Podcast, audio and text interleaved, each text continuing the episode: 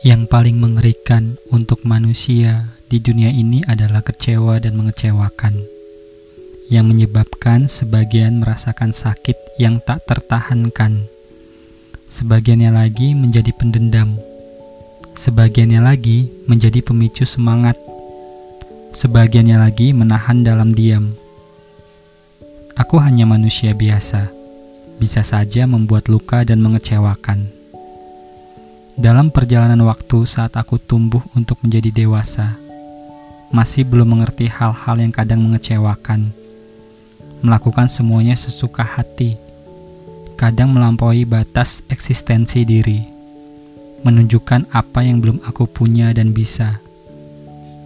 Ingin memberikan yang lebih, tapi nyatanya hanya penyesalan yang aku alami.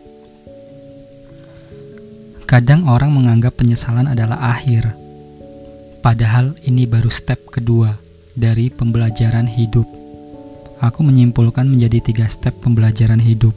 Kesalahan, lalu penyesalan, dan selanjutnya adalah pembelajaran. Manusia tidak mungkin dilahirkan langsung menjadi orang yang paling benar dan tak pernah melakukan kesalahan. Gak mungkin. Semua pasti pernah melakukan kesalahan yang mengecewakan Lalu bagaimana sesuatu yang mengecewakan bisa menjadi pembelajaran? Tergantung dirimu, orang sekelilingmu, dan ibadahmu.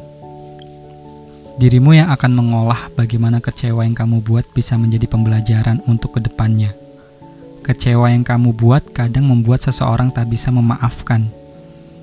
Selagi kamu sudah minta maaf, maka yang perlu kamu lakukan hanya berusaha untuk bisa menjadi manusia yang lebih baik lagi dan orang di sekelilingmu. Bagaimana mereka bisa memahami proses pembelajaran hidup? Kadang yang paling menyedihkan adalah orang terdekatmu ikut menyalahkanmu. Mereka harus tahu kesalahan itu adalah pembelajaran. Kadang kesalahan yang dibuat adalah kurangnya pemahaman dari orang-orang terdekat kita. Bisa jadi kurang diberi penjelasan efek negatifnya. Bungkam dengan efeknya yang paling banyak terjadi adalah tentang seks. Yang kadang kita sering menjauh dari pertanyaan-pertanyaan tentang itu. Padahal itu penting sekali untuk edukasi. Selanjutnya adalah ibadahmu. Ketika sudah mengecewakan, yang paling sering terjadi adalah menyalahkan Tuhan. Seringkali kita bilang, "Kenapa seperti ini?" atau "Kenapa semua terjadi padaku?" Kita adalah ciptaan Tuhan menyalahkan diri sendiri kadang sama saja seperti menyalahkan Tuhan.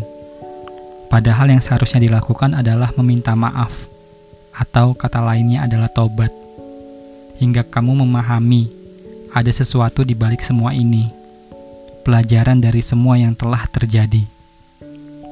Aku dan kecewa mungkin akan terus ada jika kita tak pernah belajar dari pengalaman seseorang. Mungkin ada orang lain yang sudah mengalaminya dan seharusnya itu menjadi pembelajaran untuk kita.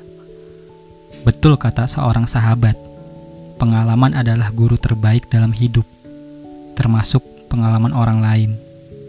Perbanyaklah teman dan silaturahmi agar kita tahu bagaimana mawas diri, agar kita tahu pentingnya hidup ini, dan agar kita siap untuk menghadapi.